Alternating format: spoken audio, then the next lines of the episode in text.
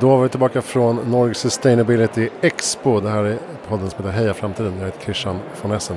Nu sitter jag här med Lisa Kivilog Emilsson. Välkommen till podden. Tack så mycket. Hållbarhetschef på något som heter Global Trust. Om du får eh, hisspitcha Global Trust vad ni gör, vad skulle du säga då?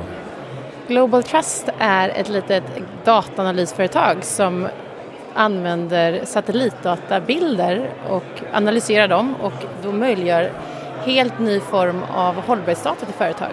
Vilket gör det mycket lättare för företag att få fram data inom olika segment som vatten, eh, olika miljöparametrar, föroreningar och liknande i hela sin värdekedja globalt.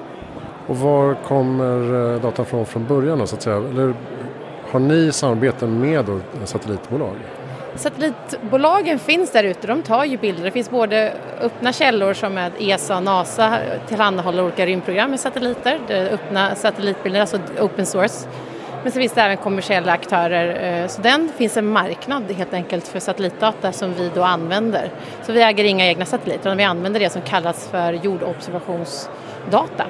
Och eh, våra eh, specialister på den här datan kan då applicera machine learning och annat för att få fram de här datan. För att varje eh, satellitbild innehåller ju faktiskt vetenskapliga parametrar, varje pixel. Och beroende på vilken sensor satelliten har, om det är nära infraröd eller om det är optisk eller liknande, så kan man få fram olika data.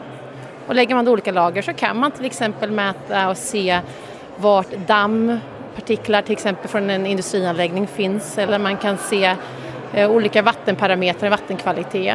Eh, man kan se vegetationer, hälsan i vegetationen, så kan ge indikationer på om du har utsläpp eller liknande på en anläggning. Och det kunderna främst efterfrågar är ju till exempel biologisk mångfald som kommer väldigt mycket nu, kan man se det och det jobbar vi mycket med, försöka få fram bättre parametrar på det. Eh, men också då kolla leverantörer, leverantörskedjan, alltså data som man kanske har svårt att få fram idag. Det blir då mycket lättare att bara kunna sitta vid sitt skrivbord och få fram. Ja, just det. Många tänker inte på det att det är ju faktiskt eh, i rymden som den stora en del av den stora hållbarhetsrevolutionen kommer att ske eh, just med den radikala transparensen. Som, alltså med bättre uppkoppling och högre upplösning så kan man få tillgång till mycket mer information. Eh, vad är det för typ av kunder ni jobbar med? Ska säga? I dagsläget så har det varit, det, det, varierar lite grann. Det har ju, våra största segment såklart kommit från gruvsektorn för gruvan tror jag det beror på främst att gruvnäringen är ganska vana att använda eh, satellitdata med tanke på att de har mycket geodata och liknande. Eh, men det kommer mer. Finansbranschen eh, efterfrågar och börjar fråga och se hur man kan använda det här. Man har ju global verksamhet ofta. Och det kommer andra industrier helt enkelt som har kanske anläggningar globalt som vill ha ett systematiskt sätt att följa upp sina miljöparametrar vi ser också intressen från klädindustrin, mycket utmaningar med vatten till exempel. Så det, det, kommer mer och mer, eh, även om rymddatan då är lite nytt så att det är väldigt spännande men samtidigt man ofta vill prova projekten lite grann innan man går upp i större skala. Och Global Trust är ett svenskt bolag? Det är ett ursprungligen ett brittiskt bolag eh, men svenska Swedish Space Corporation som många känner som eh, rymdbolag, gamla rymdbolaget är majoritetsägare idag i bolaget. Så att vi har huvudkontoret i England men vi har idag ett, även ett kontor i eh, Solna. Okej, okay. jag pratade med Ingmar Rentzhog här tidigare och jag menar att Sverige kan ta stark position inom just hållbarhets och klimatdata. Ser du också att det håller på att verkligen förändra saker? Ja absolut, alltså tittar man på vilken roll satelliter har idag när det kommer till hållbarhetsdata så är ju satelliterna helt avgörande.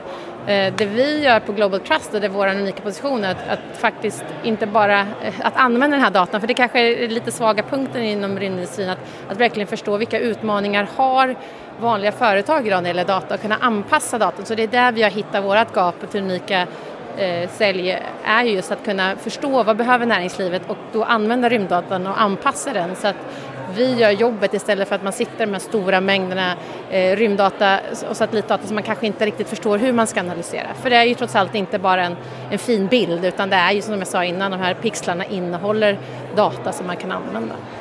Du nämnde maskinlärning, här måste ju AI vara ett jätteviktigt verktyg framöver för att förstå och dra insikter.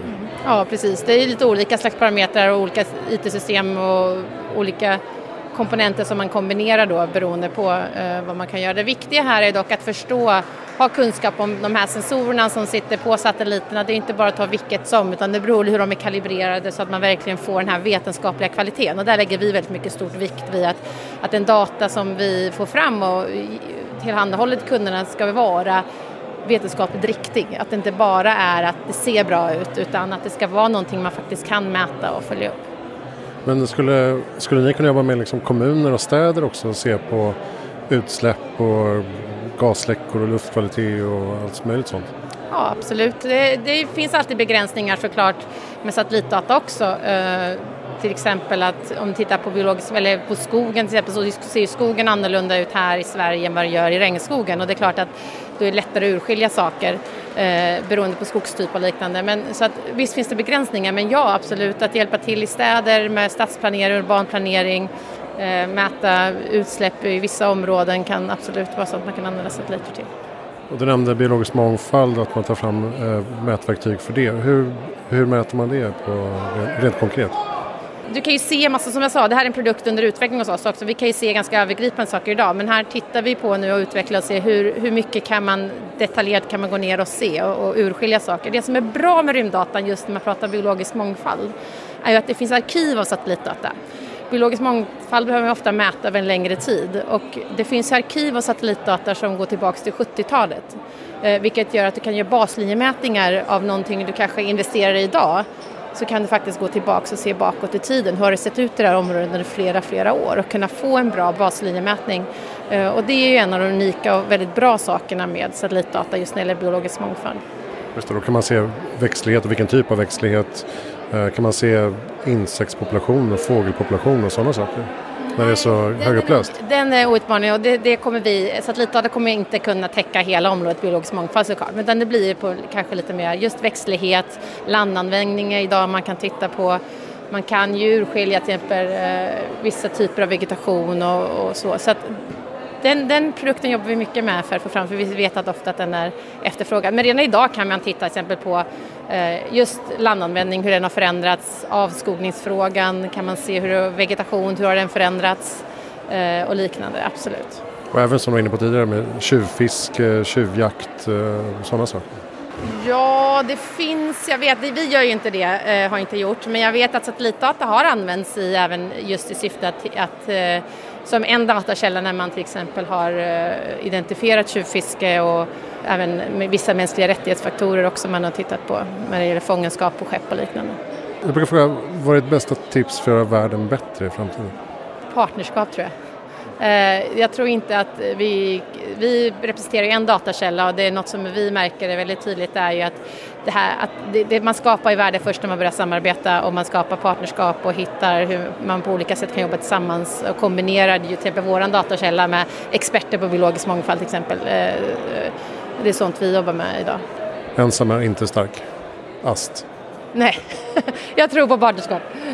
Tack snälla Lisa Kivilog Emilsson för att du kom till Heja Framtiden. Tack själv. Och eh, globaltrustgrp.com. Ja, där hittar ni information och även mina kontaktuppgifter om det är någon som vill veta mer. Bra. Satellite data to change the world. Jag önskar lycka till i framtiden. Det låter fantastiskt spännande. Tack. Uh, här framtiden rullar vidare från Nordic Sustainability Expo, Stockholmsmässan i Älvsjö. Jag heter Christian von Essen. Kolla in hejaframtiden.se för allt du behöver veta om livet. Uh, tack för att du lyssnade.